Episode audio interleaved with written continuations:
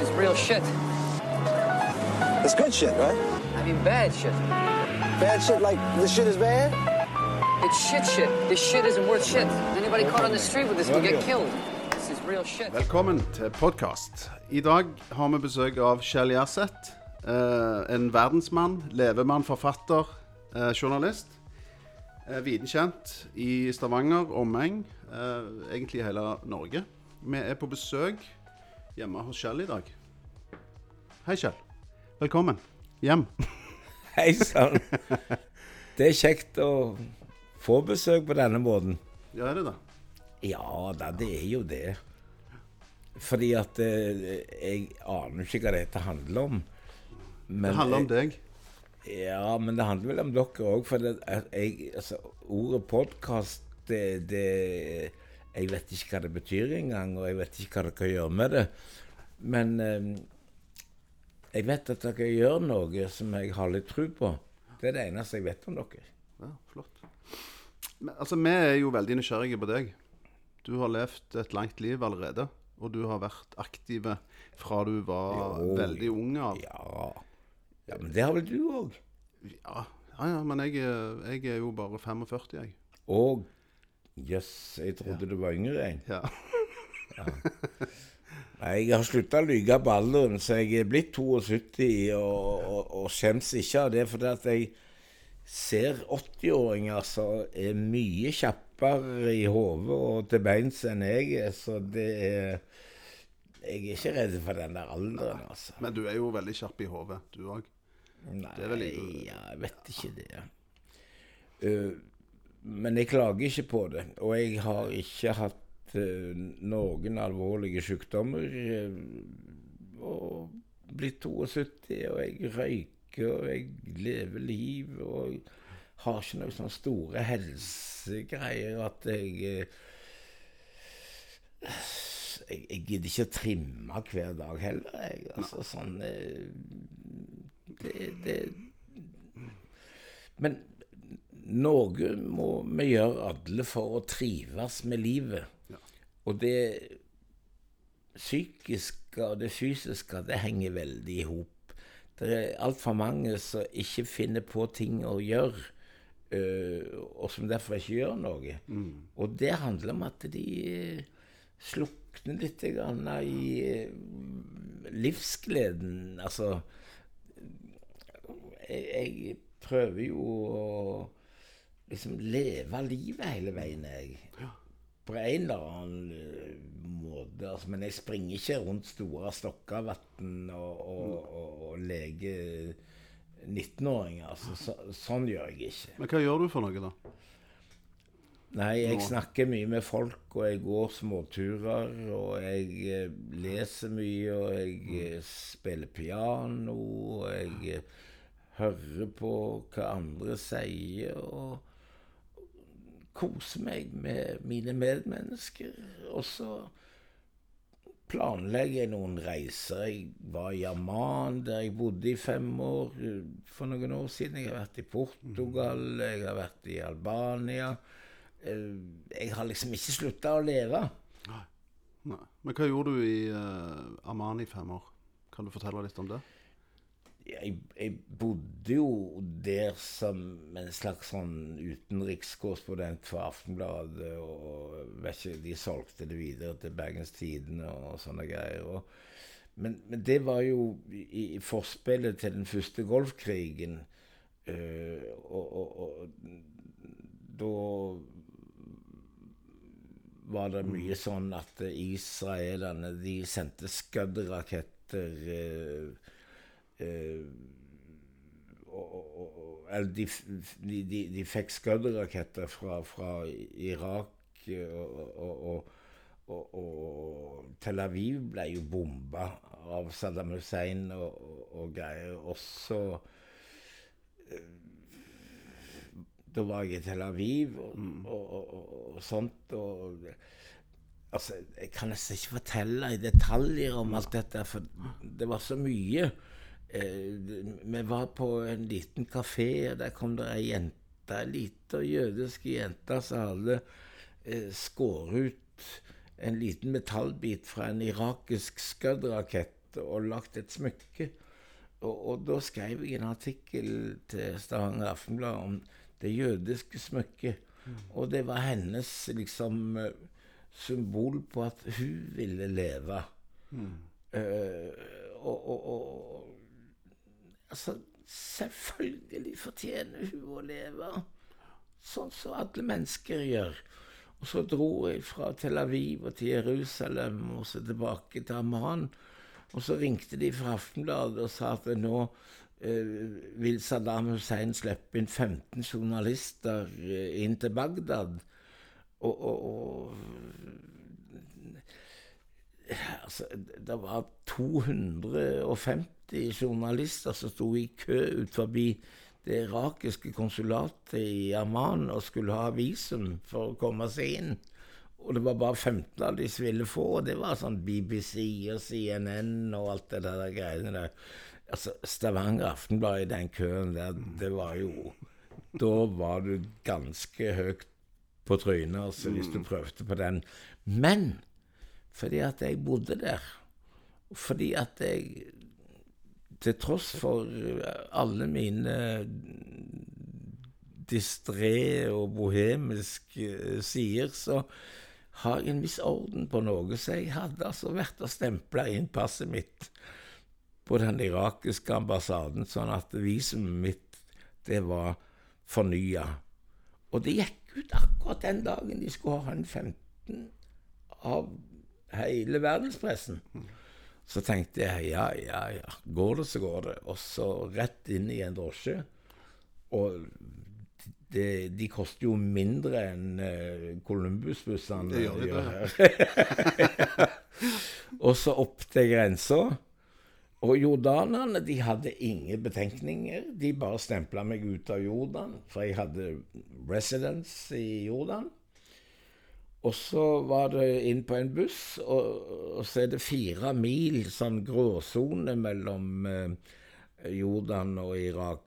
En sånn ja, grensegreie. De har ikke noen planer om å bygge mur der. Nei. Nei, men de, de, de har et sånt Men dere gjerder, liksom? Ja, de har et sånt område sånn som, som ingen av de eier. Og så kom jeg til den irakiske sida, og der var det en gjeng fra Ministry of Information med masse sånne biler og greier. For de skulle ta imot disse journalistene, de 15 utvalgte. Og, og, og jeg kjente jo ingen av de, jeg. Og så, eh, og så kom han der sjefen fra informasjonsministeriet, og, og, og, og jeg viste han passet mitt, og sånt, og så sa han Du står ikke på listen, sa han. You are not on the list. Og så sa jeg It's not my problem, it's your problem.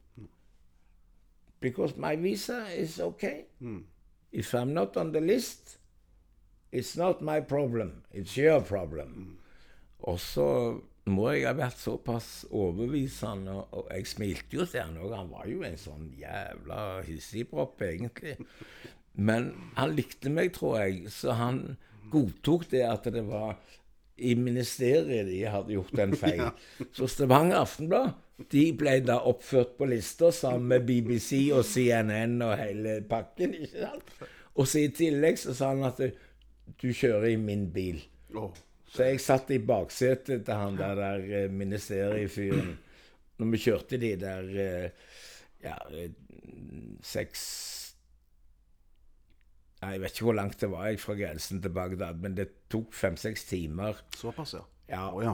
Og, og, og, og, med så mye sånne militærkjøretøygreier underveis, og det tok litt tid. og Det var jo krig, Mm. ikke sant? Men hva følte du da når du satt der i baksetet på en svær eh, Mercedes, eller hva nå den var? Altså, hva var det du tenkte på? Liksom nei, på vei inn? Jeg tenkte ikke på så mye, jeg. Altså, sånn, det, jeg har aldri gjort det. Jeg har vært Du har aldri liksom, tenkt så mye? Jo, jeg tenker etterpå, men ikke mens det pågår. Akkurat Men var du ikke redd? det? Altså, var du ikke redd når du ser deres, liksom, der, er, du, der er krig, du skal inn i en krigssone? Nei, jeg har aldri, jeg har aldri vært redd når jeg har vært det. Jeg har blitt redd etterpå når jeg har tenkt på Mm. hvor mye galskap jeg har gjort. Da har jeg blitt redd. Men ikke mens det har pågått.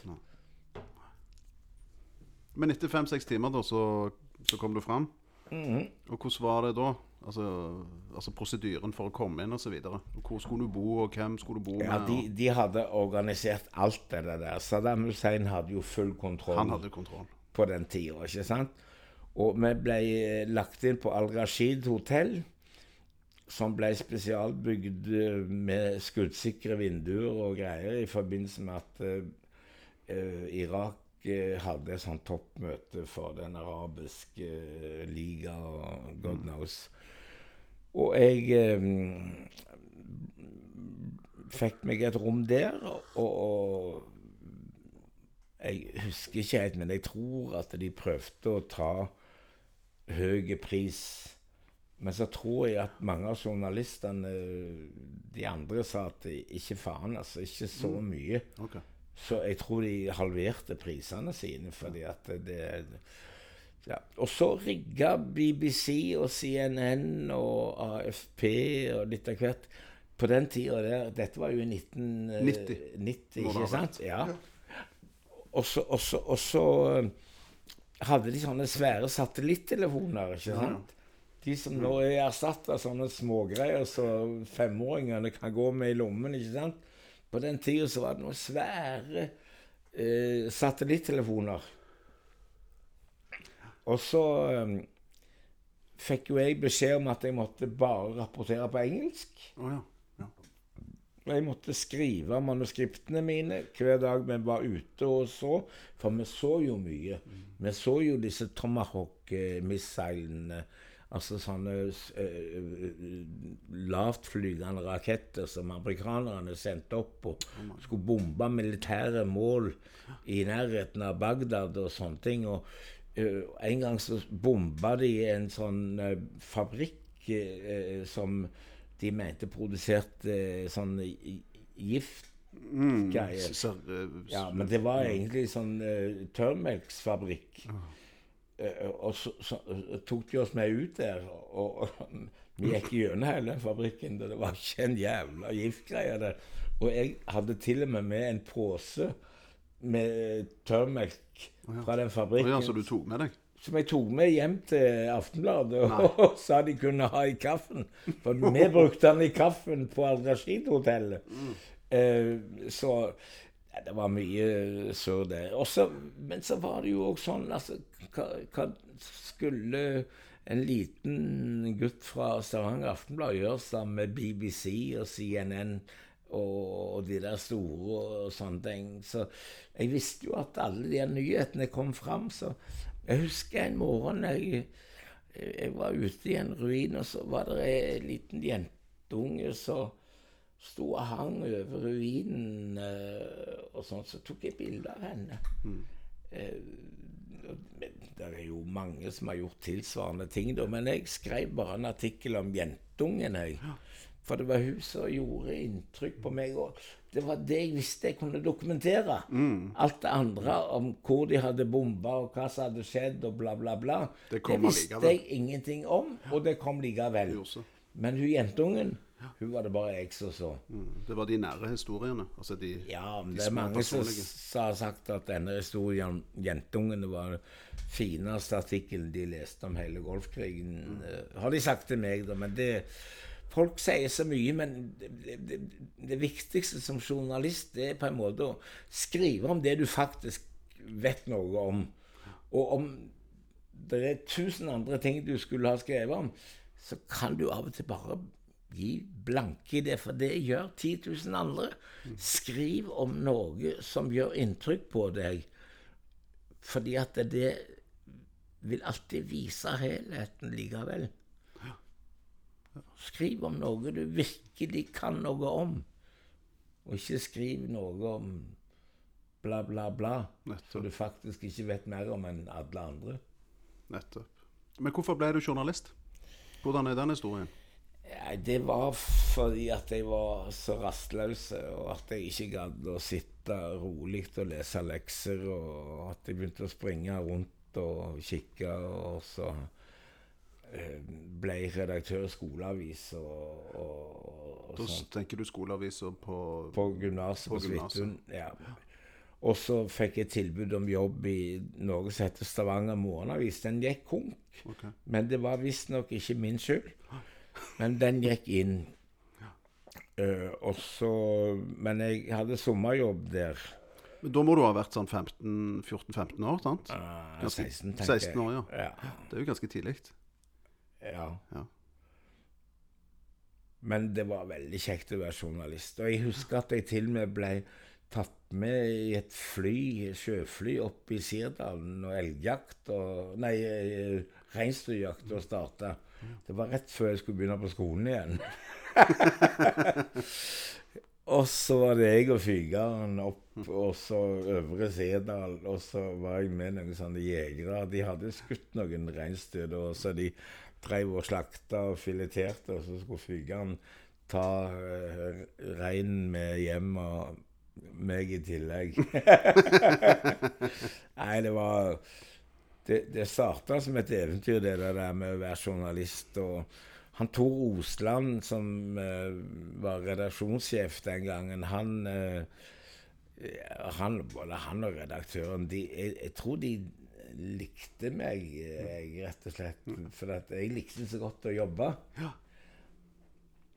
Vi hadde en fantastisk story i, eh, i- Stavanger Morgenavis, eh, hvis vi har tid til den. Det har vi. Ja, for det, det, det var en nattvaktsjef der, eh, og, og da jobbet jeg som sånn assistent, liksom, eh, med å gjøre alt mulig. Eh, og så skulle avisa i trykken sånn rundt midnatt. Og så eh, var det av og til produsert for lite, og alt var jo i blysats på den ti- tida, ikke sant? Og, og han der eh, nattvaktsjefen, han ble seinere psykolog og, og sånt, men jeg, jeg tror han burde ha studert psykologi før han begynte som nattvaktsjef. Han var så inni hekket hans distré. Og så når vi skulle gå i trykken, da, så var det ikke plass. Han hadde ikke nok bly til å fylle baksida.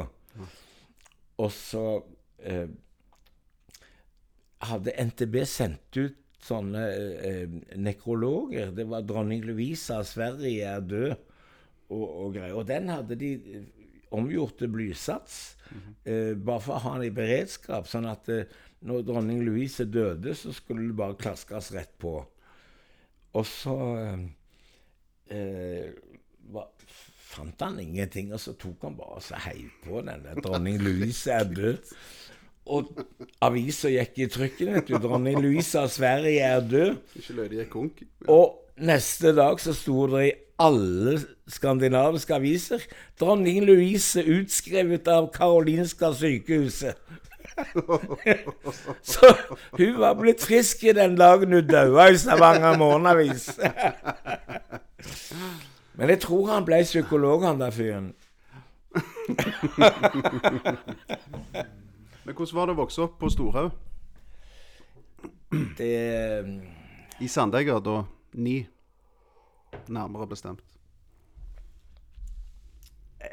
jeg, jeg, jeg, jeg tror at jeg har hatt en av de fineste barndommene et menneske kan ønske seg. Det er sikkert mange som vil tenke tilsvarende. Men eh, jeg hadde en mor og en far som var veldig, veldig gode. Og så bodde bestemor og bestefar i første etasje. i Sandegata 9. Og jeg begynte jo på Storhaug skole, men jeg gikk i barnehagen òg, som lå rett oppi krattet der.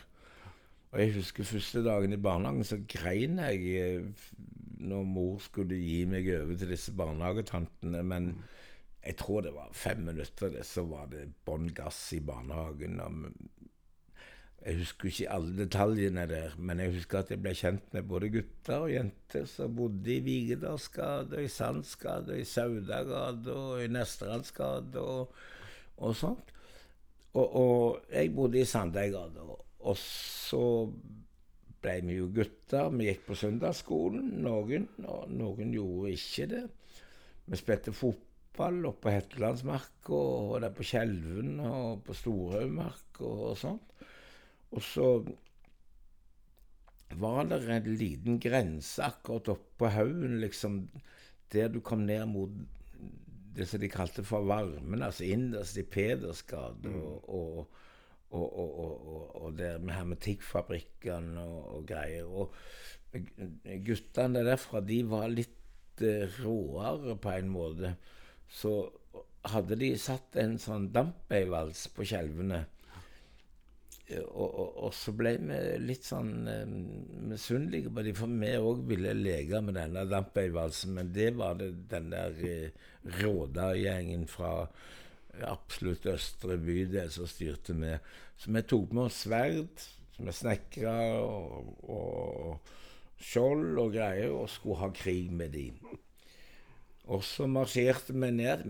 Jeg, tror vi må ha vært en 20-25 gutter som gikk nedover der.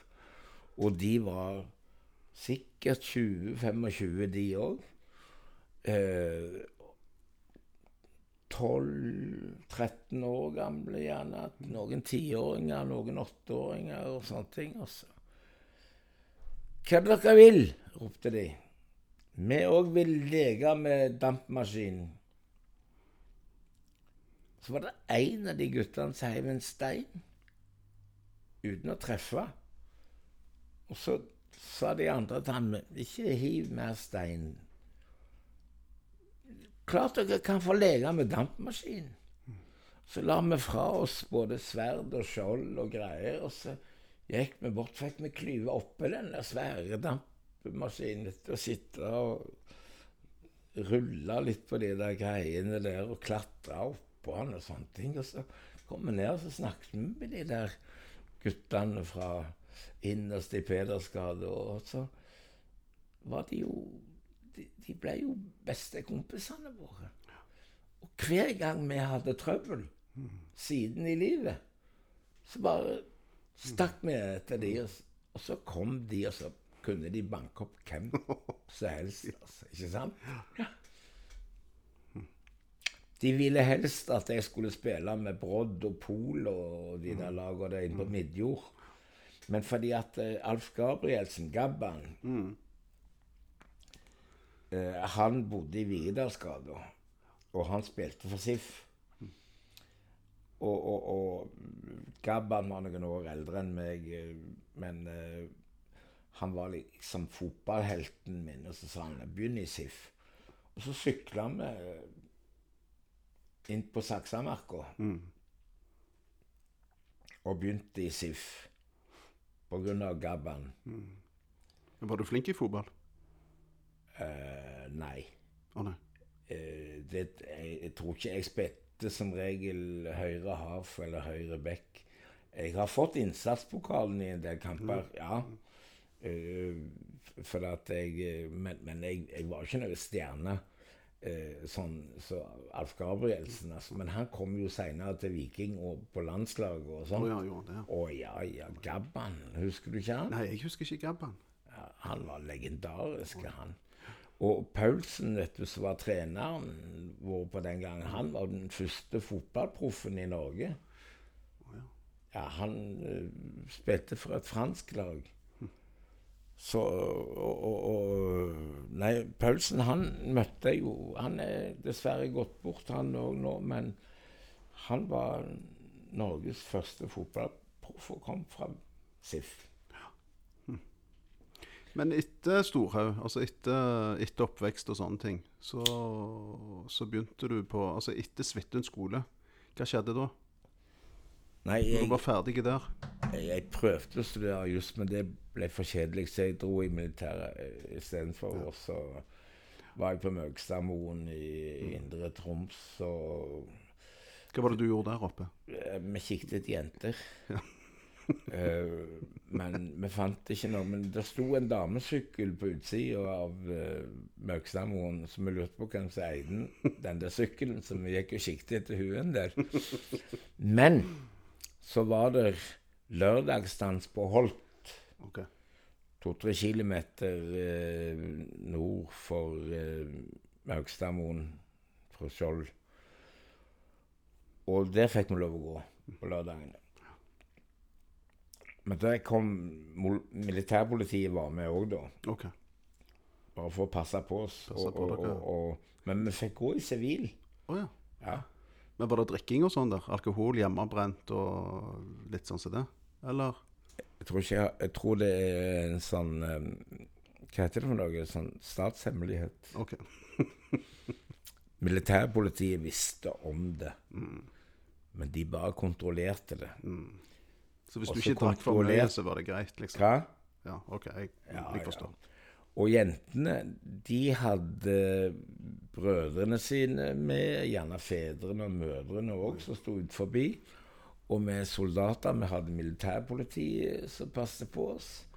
Og musikerne var noen sånn lokale med noe trekkspill og gitar og greier og sang eh, eh, Ja, jeg husker ikke hva sanger det var. Valser og tangoer og sånne ting. Og så eh, Jeg husker vi røykte ikke. Nei. Nei, vi- jeg tror Vi røykte iallfall ikke inne. Og, og de som gikk ut, gikk ut for å ta seg en liten skarping. Altså, Så det var ikke mye røyk der. Og jentene, de, eh, de var jo sånn som Stavanger-jentene var liksom eh, fra Madlamoen, ikke sant? Når det var dans eh, her i byen og sånn. Nei, danser ikke med gaster. Å ja, nettopp. Ikke sant? De sa jo det, Stavanger-jentene.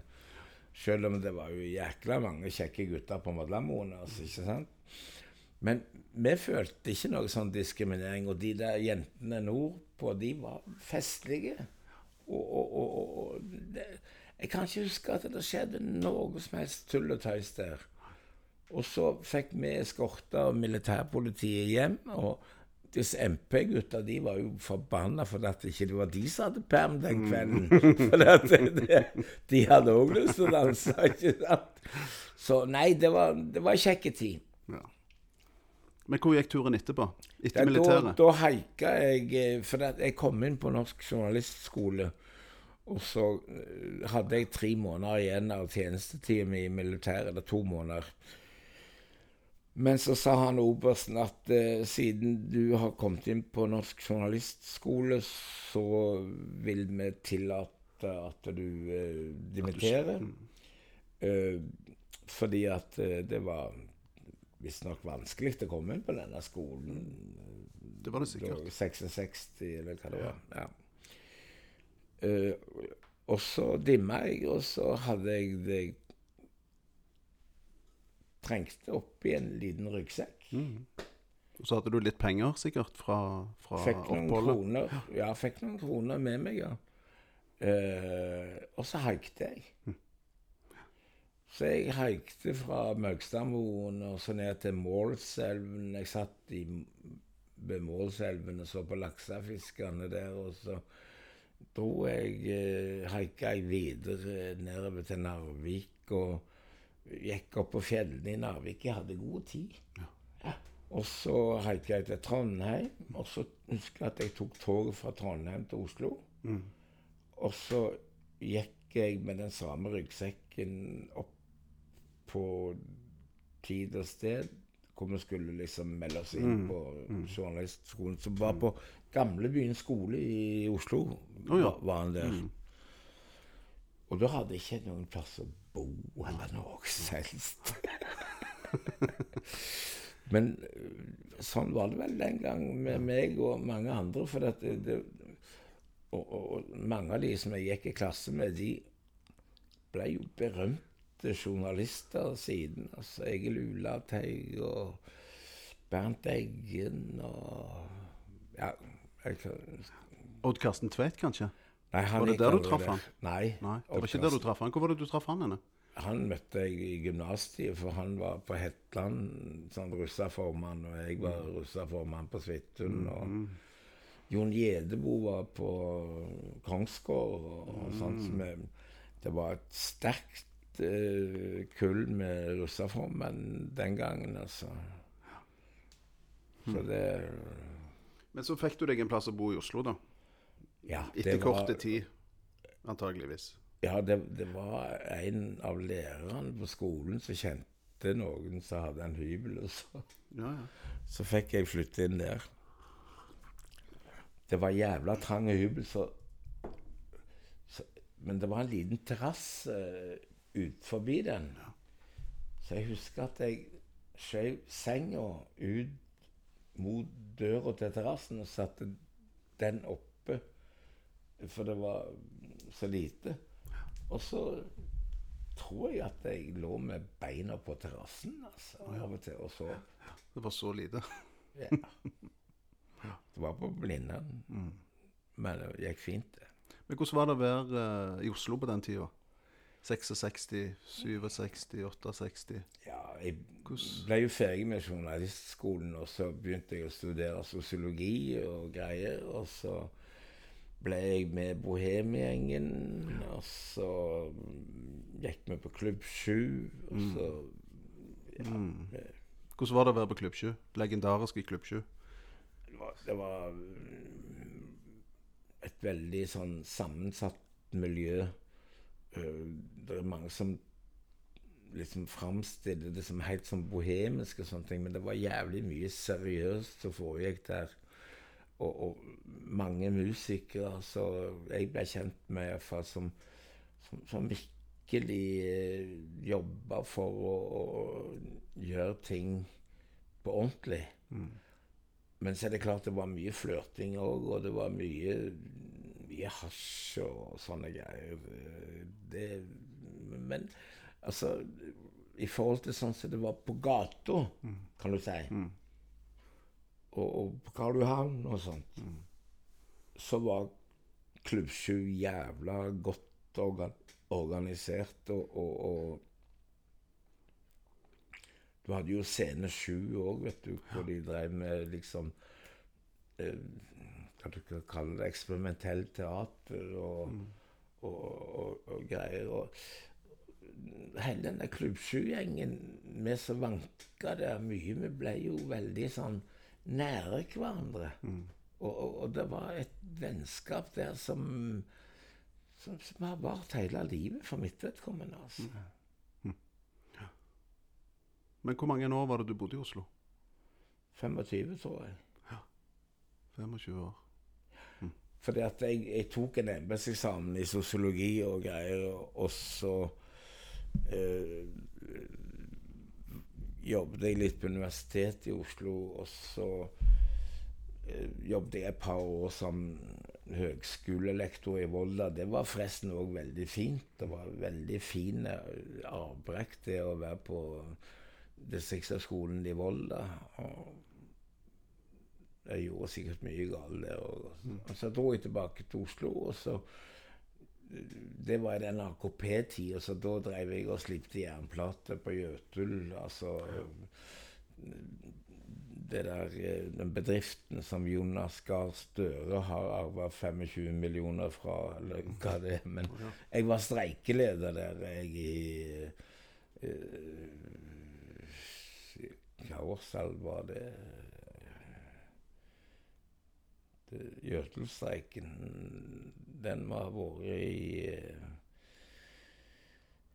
76 eller noe 76, sånt. Ja.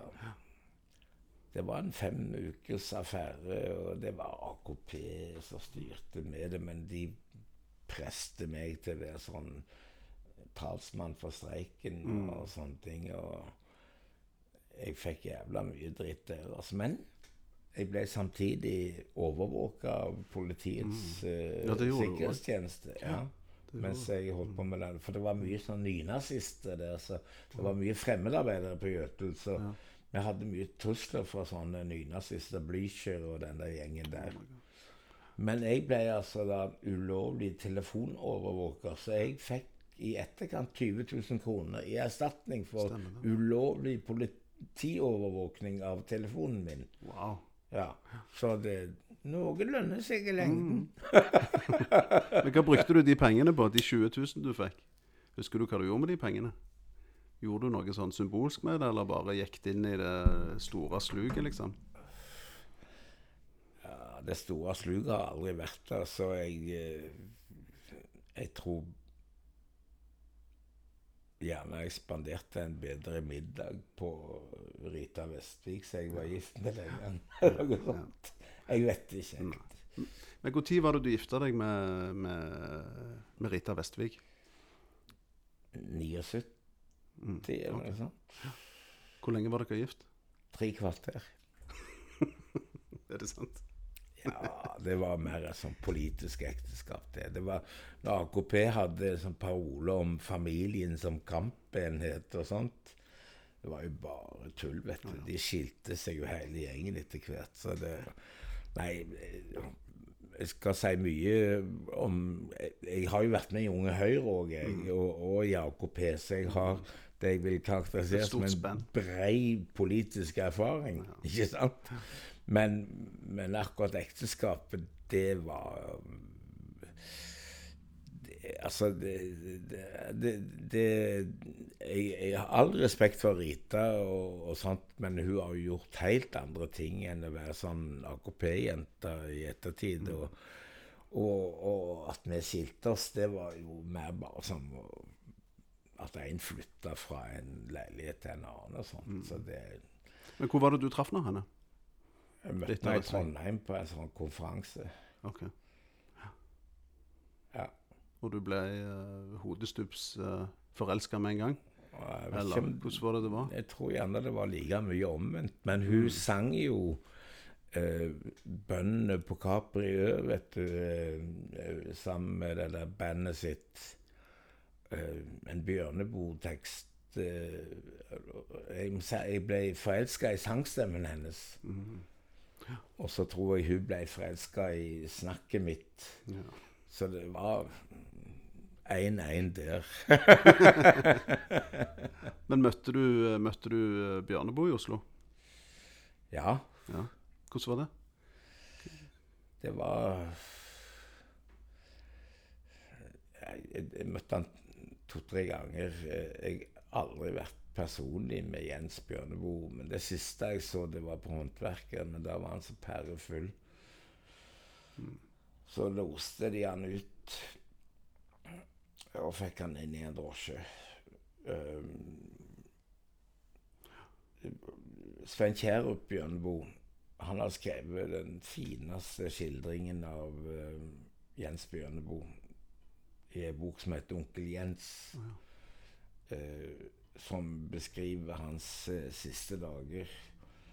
eh, hvor Svein Kjærup var med han, eh, og de tok en drosje ned eh, til bokklubben, og, og Jens ba om å få et par tusen kroner og, og greier. og fikk det, og så dro de tilbake på Kunstnernes hus, og Jens drakk enda mer rødvin. Og, så, og så tok han en taxi ned til Sandefjord, eller hvor det var, og så en båt over til, eh, til den der øya si, og, og så hang han seg der. Men eh, Svein Kjærup er den eneste som har fått med seg denne lille detaljen som han bonden fortalte, som fant Jens Bjørneboe hengt. Det at Jens hadde begge hendene sine eh, rundt repet. Eh, sånn at det, det må ha vært en tvil i selvmordet òg, altså. Ikke sant? At, at hvis du først henger deg, så har du bestemt det. Men han hadde altså begge hendene oppi der. Og det er det Svein Kjærup som skriver om i denne boka, 'Onkel Jens'. Og det Altså, jeg, jeg vet ikke Har du tenkt å ta livet av deg noen ganger? Ja, jeg har jo vært inne på tanken, som de fleste antageligvis har. Jeg har jo det. Har du det? Ja, men ikke sånn seriøst. Men jeg, altså, det har jo streifa meg innimellom. Altså, Ja. sånn, Nei, for jeg kunne godt tenkt meg det òg. Altså, Istedenfor å havne på noe sykehjem og ligge på gangen på noe sykehus og, og sånne ting, så, så, så hadde det vært bedre å så kjøpt seg en god flaske dunk med vin, og så tatt seg en skikkelig fest og sagt ha det, klode. Ja. Og så si god morgen, Gud, liksom.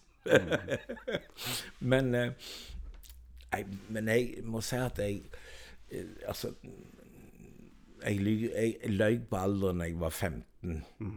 Da sa jeg var 16 for å komme inn på voksen kino. Ikke sant? Men når du er 72, så lyver du ikke på alderen lenger. eh, For det har ikke noe hensikt. Men jeg ble jo veldig sjarmert når jenter på 40 sier at ja, ja, du er vel litt over 50, Kjell, sier de til meg. Og, og da sier jeg dere skal få julekort eh, og sånt. Og så, du har jo denne flørtende innstillingen, og så lenge kroppen funker, og du kan gå ut og glede deg sammen med andre mennesker, og gå på konserter, og gå i teater, og, og sitte på kafeer og prate tull og tøys med folk. Og jeg er jo en sånn jeg har embetseksamen i sosiologi, og jeg har journalistgreier. Jeg har skrevet roman som har fått Vesaasprisen, og jeg har fått Narvesen-prisen som journalist. Og, altså, jeg driter i alt det der. Jeg. Det kjekkeste for meg, det er å være med folk som jeg er glad i. Mm. Og, og, og, sånn er favorittkjæresten min òg. Mm.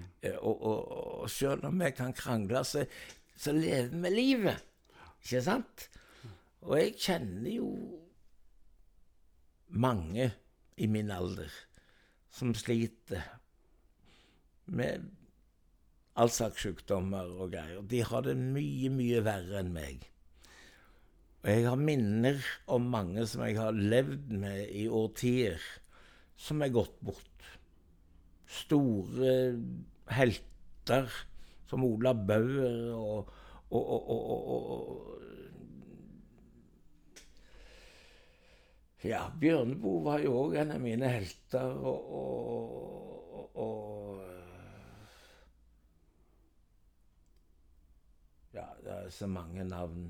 Odd Noreger var bestekompisen min her i Stavanger, og han, han drev skjenkestuen og antikvariatet og og, og, og, mm. og så er det jo han Ja, og hun. Det er mange. Altså sånn Jeg hadde akkurat når jeg runda 72, så satt jeg en hel eh, et helt døgn og, og, tenkte gjennom alle de fine menneskene jeg har møtt i mitt liv. Altså Ahmed i Aman, han er fortsatt oppegående og vil ha meg ned der igjen.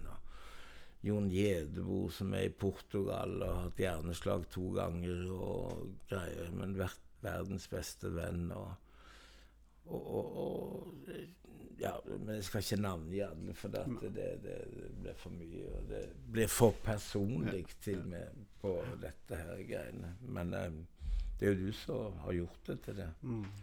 Kan du ikke spørre meg om hva jeg mener om månelandingen heller? Ja, Hva mener du om månelandingen? Ingenting. Nei. Men dette med å stifte familie og slå seg til ro og overta huset på Storhaug og få to-tre unger og ha en uh, trygg og fast jobb og være familiefar og sånn. Hva tenker du om det? Altså, Det ble aldri sånn med deg? Nei, men jeg er så kjempeglad at det ble sånn med søsteren min. For hun traff en fiskersønn oppe i Kjøllefjord. De kolliderte i ei skiløype der oppe. Kjell Harald Olsen heter ja, ja. han. Mm.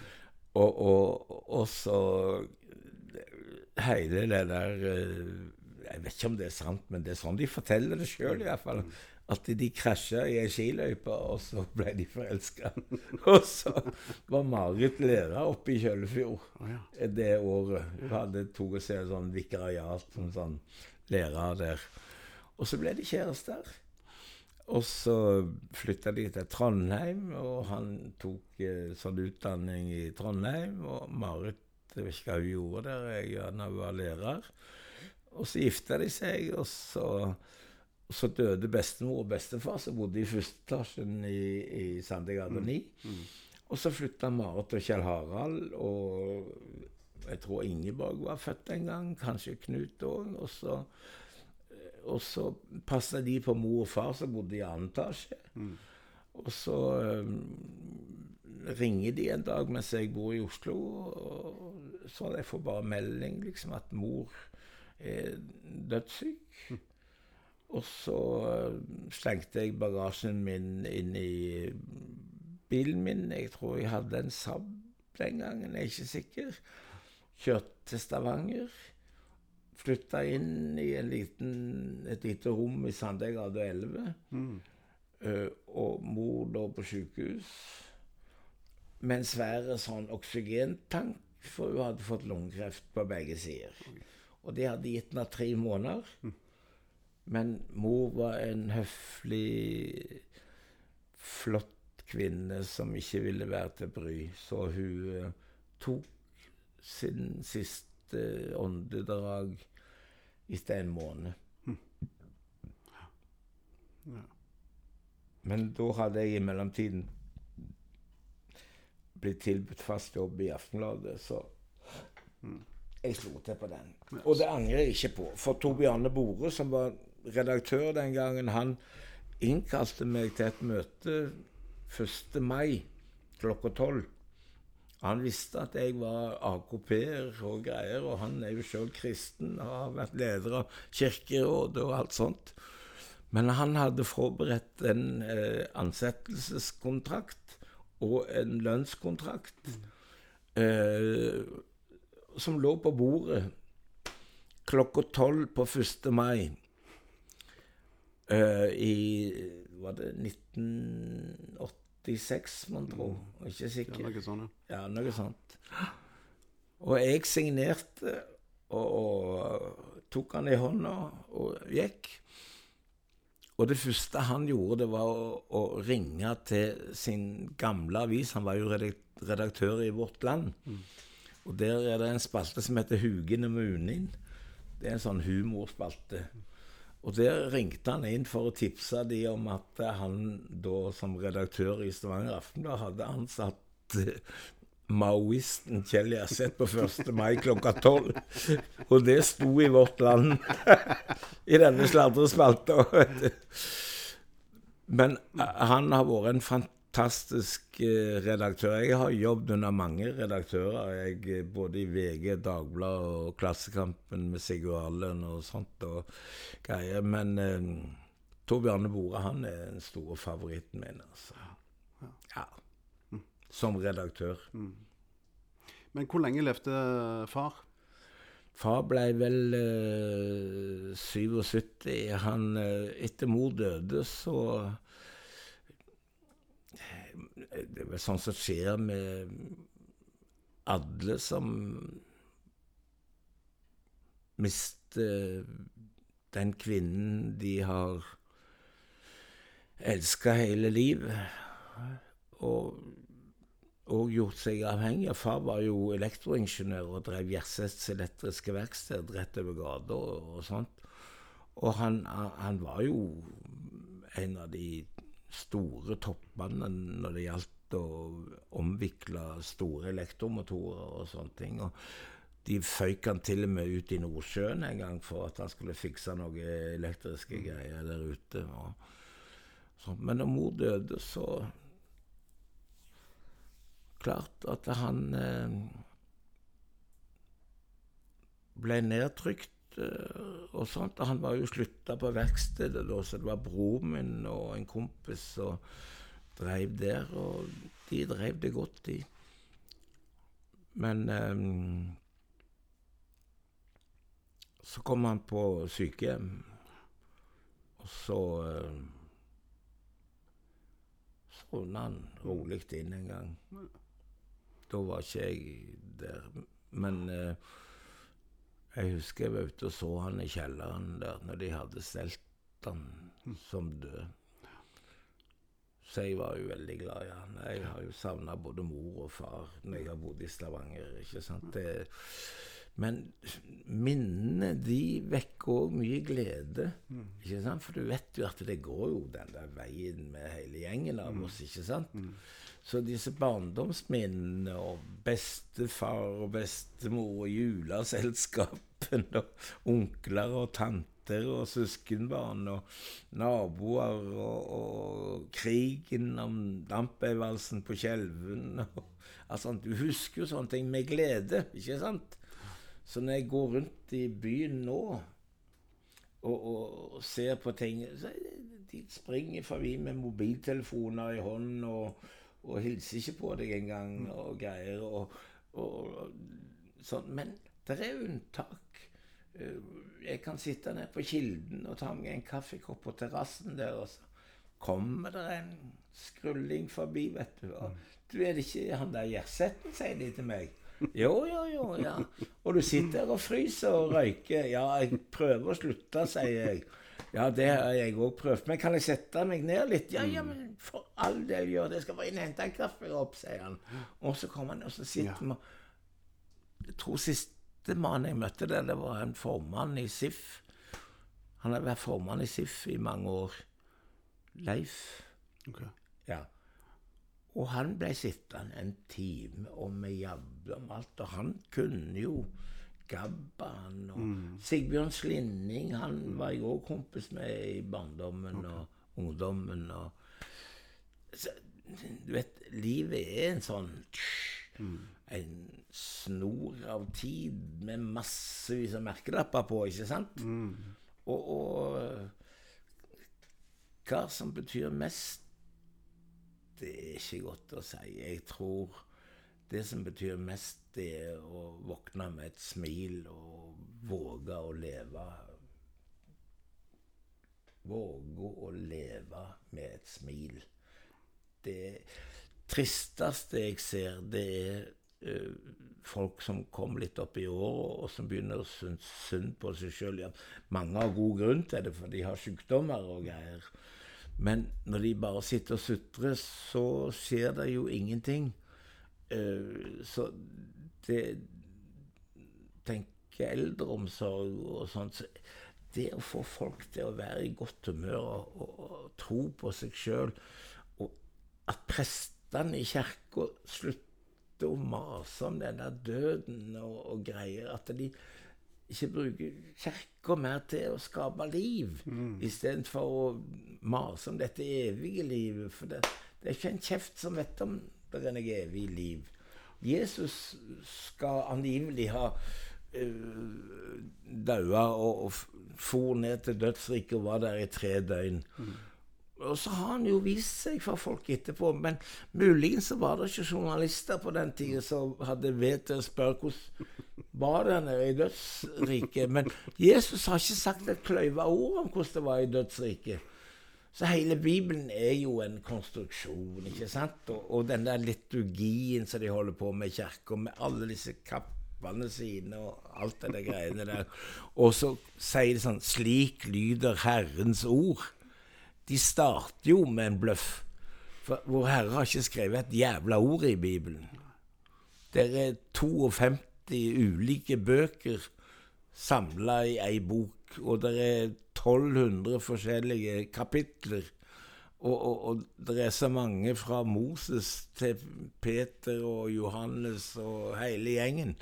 Du, det er omtrent så du samler hele Forfatterforeningen i ei bok, og så slår du den sammen og sier 'Sånn er litteraturen'. Ikke sant? Altså, det, det er jo bare tull. Jeg har en bibel fra 1837. Og den har jeg lest litt i og sammenligna med Norske Bibelselskapets siste oversettelse. Og du har det der budet altså, Vår Herre der gir på ei steintavle til Moses, men den steintavla går i stykker fordi at de holder på å dyrke gullkalven der nede. Og så Moses ble forbanna, så knuser han steintavla. Ikke sant? Så du vet ikke engang om de der ti buda stemmer. Men det, det var et bud sånn Du skal hedre din far og din mor, og det skal gå deg vel, og du skal leve lenge i landet. Mm. Det sto der i den der 1837-versjonen min. Og det, jeg tror jeg leste det budet på skolen òg. Men i den siste bibeloversettelsen så står det bare 'Du skal hedre din far og din mor'. Og Det står ikke et jævla ord om at du skal leve lenge i land, og, og at det skal gå deg godt og sånn. Det har de strøket ut, rett og slett. Ja. Hvorfor har de strøket det, tror du? Aner Hvorfor i all verdens rike? Nei, det er nesten sånn. Og så likevel så har de en liturgi som sier at slik lyder Herrens ord. De, de, de skulle, prestene skulle stå på talerstolen. Slik lyder den siste bibeloversettelsen fra Det norske bibelselskap. De si. Eh, Men kan vi snakke litt om forholdet ditt til musikk? For jeg husker, jeg husker og, og, og, og i det der så er det en digresjon, fordi at jeg husker en gang nede på Tau Scene som jeg eh, var så heldig å jobbe før. Du skulle ha en konsert der nede, så skulle jeg hjelpe deg med piano, hjelpe deg opp på piano og sånn. Og så sa du at eh, bare vær litt forsiktig, for jeg har brukket ryggen, sa du. Og det tenkte jeg, what? Har du brukket ryggen? Så det vil jeg gjerne høre mer om. Hva var det som egentlig skjedde? Hvor var det du brakk ryggen? Når var det? Var det på skjenkestuen? Datt du av en uh, pianokrakk? Nei. Var det på Hvor var det henne? Det var i Jerusalem. Det var en regntung dag i Jerusalem hvor det var opptøyer. Det var en fredag.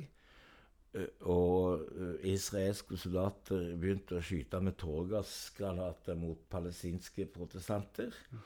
Og jeg og noen andre journalister som var der, eh, vi måtte stikke av. For det var De bruker tung eh, tåregass eh, der nede, og palestinerne stakk jo òg.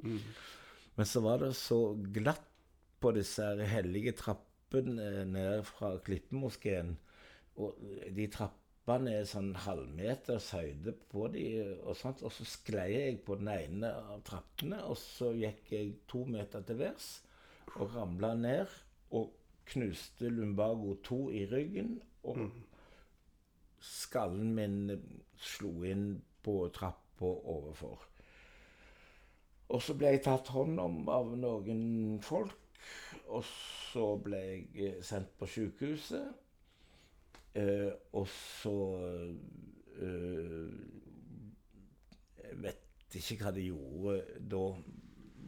Men, det var et sånn enkelt eh, palestinsk sykehus. Eh, og så tok jeg en drosje til hotellet etterpå, og så, og så reiste jeg til Amman eh, dagen etter det. Men klarte du å gå? Altså var du liksom Nei, jeg, Oppe på beina, nei? Jeg, jeg, jeg kunne ikke Nei, gå nei, nei. de første dagene. Uh, så jeg fikk hjelp. Mm. Men eh, jeg kom meg inn på en klinikk i Amman. eh, og så eh, tok de og skannet. Der hadde de sånne moderne greier. Og da så de at jeg hadde en blodansamling i hjernen. eh, og så hadde jeg knust lumbago 2. Eh, Men de kunne ikke operere det, så de ville ha meg hjem til Norge. Og så eh, Jeg vet ikke, jeg tror at jeg eh, bagatelliserte det litt. Grann. Jeg pleier å gjøre det når jeg har trøbbel, at jeg bagatelliserer det. Så jeg, jeg satte et bord oppå et annet bord i leiligheten min. Og så sto jeg og skrev. Oh, ja, sånn, ja. Mm. I tre måneder tror jeg jeg jobbet på den måten.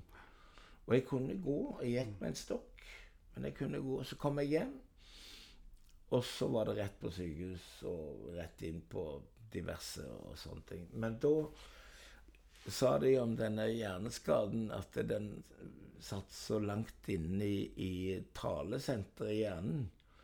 Så han overlege Pedersen på nevrokirurgisk i Bergen, han fikk noe, han noen røntgenbilder av hjernen min. Han sa at vi kan operere dette, her, men eh, det er stor fare for at du da mister taleevnen. Og så svarte jeg da overlege Pedersen at jeg tror det er mange som kommer til å bli jævla glad hvis jeg holder kjeft, så kan du ikke bare ta den operasjonen. Og så lo Pedersen.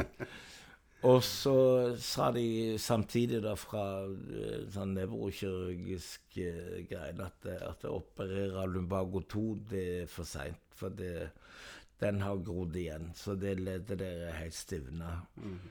Så det må du dessverre leve med. Og det som skjer av og til, det er at det, det, det, det liksom knekker til litt, og så går det noe nede i ischiasnerven, og så har jeg noe atopisk eksem og drit og lort og sånne ting. Det høres bagatellmessig ut. Og det er altså i forhold til kreft og hjerneslag og, og, og, og sånne greier, så er det bagatellmessig. Men er, jeg hørte på radioen det er 900 000 i Norge som har psoriasis eller eksem. Og de har noe landsmøte nå, tror jeg, og det er kommet noen nye medisiner for det og sånne ting òg. Men det, det har jo periodevis vært så jævlig. Men en eksem den, den, 40% av de som har hatt den som unger, får den igjen i voksen alder. Og jeg har fått igjen eh, den da. Men eh, eh, den vedlikeholdes og sånne ting. Og, og, altså, og ryggen sammen med eksemen blir liksom at du blir avhengig av en sånn Mercedes. Men tenk dere, før i tida så hadde de ikke sånne rullatorer. Og, og ved hjelp av denne Mercedesen min så kan jeg komme meg rundt store Stokkavatn uten problemer. Ikke sant? Det er flott. Før så gikk folk gjerne med noen staver og greier. Og, og ble sittende i stolene sine for det meste. Så det er jo fantastisk at en sånn greie eksisterer. Men jeg fikk tilbud om en sånn elektrisk eh, En sånn, greie. en sånn liten som Ja, du sitter i. ja, ja. Men det, Men det ville du ikke ha? Nei, jeg ville ikke ha det. Nei. Nei. Hvorfor ikke? Nei, jeg skal Du, du, ja. ha kroppen min til Og jeg er litt usikker på om de ville ha gitt meg den heller, fordi jeg ville vært litt usikker på om jeg hadde kjørt i fugler med den. Det hadde vært kult.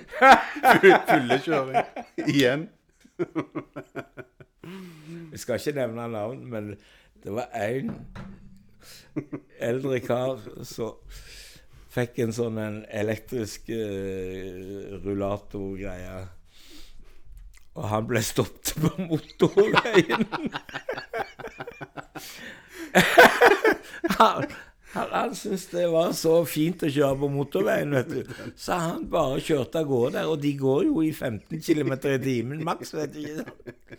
Og det er litt under hastigheten på de der greiene der. Så det Men eh, forholdet ditt til musikk, Kjell? For du spiller jo. Du spiller jo piano.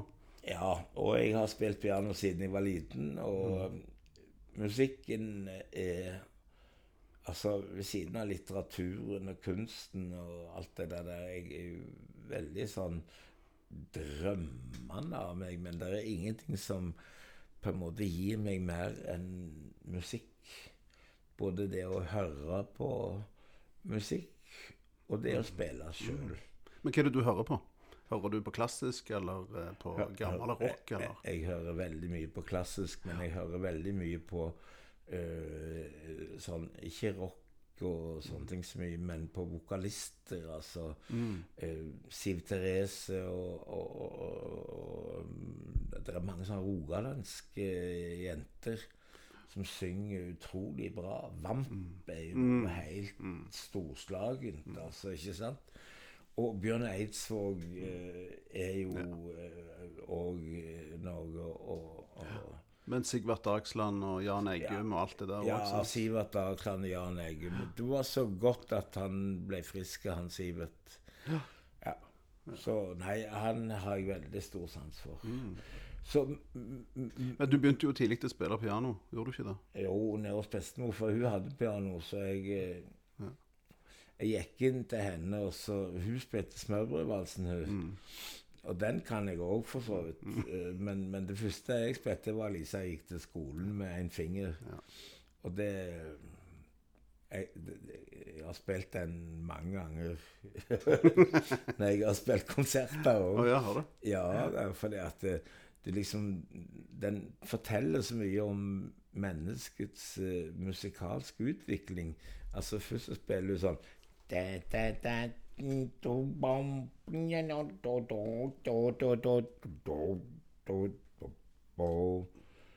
Sånn. Mm.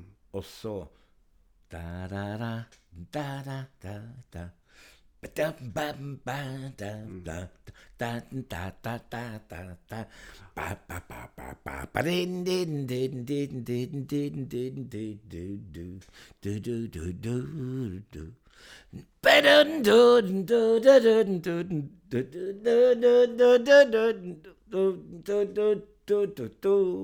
Kan gjøre alt i verden med Lisa gikk til skolen, altså.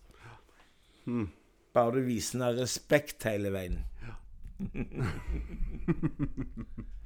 Men du spilte jo, du spilte jo fast nede på skjenkestuen, gjorde ikke du det? Jeg, eh, altså, jeg har sånn minne av det. At liksom Hver gang jeg var der, så spilte du nesten. Da gikk det noen timer, og så liksom OK, boom, så gikk pianoet opp, og der kom du. Og så var det fest i lokalet. Du har ikke vært så ofte der? Nei, jeg har ikke det. Det var de, de, det var de få gangene jeg var der. For det at eh, Nei. Men eh, jeg husker når jeg hadde eh, lagd en sånn Did I Ever Say No, heter den. Jeg hadde piano hjemme. eh, men eh, Odd Nordegge hadde et sånt flott Yamaha-piano der nede på skjenkestuen. Og så kom jeg ned der og så sa jeg du, Odd, jeg har lagd en ny trudelutt hjemme, kan jeg få spille den? Og det var fullt i salen. og sånt. Og trykte på det der kassaapparatet sitt, og så tok han opp nuggen og så sa han Did I ever say no? Og så sier da heter han det. Å ja. ja, nettopp. Så denne Did I ever say no, den ble presentert på skjenkestuen den kvelden. Og faktisk så var det eh, i de tider sånn at når jeg satte meg ned med pianoet, så var det en forventning i salen. Så de, de holdt kjeft. Og så spilte jeg de der Ever Say No. Det hendte jo at jeg snakket litt sånn frekt, sånn som jeg gjør nå òg. sant? De visste hvem jeg var, og de hadde De godtok meg som den jeg var. Og når Odd Nordreger gikk god for meg, så var det iallfall i orden, ikke sant? Eh, så det det jeg vil si nå, det er Skjenkestuen-sangen. Jeg kan spille den for deg. Ja, kan du det? Flott. Da gjør du det.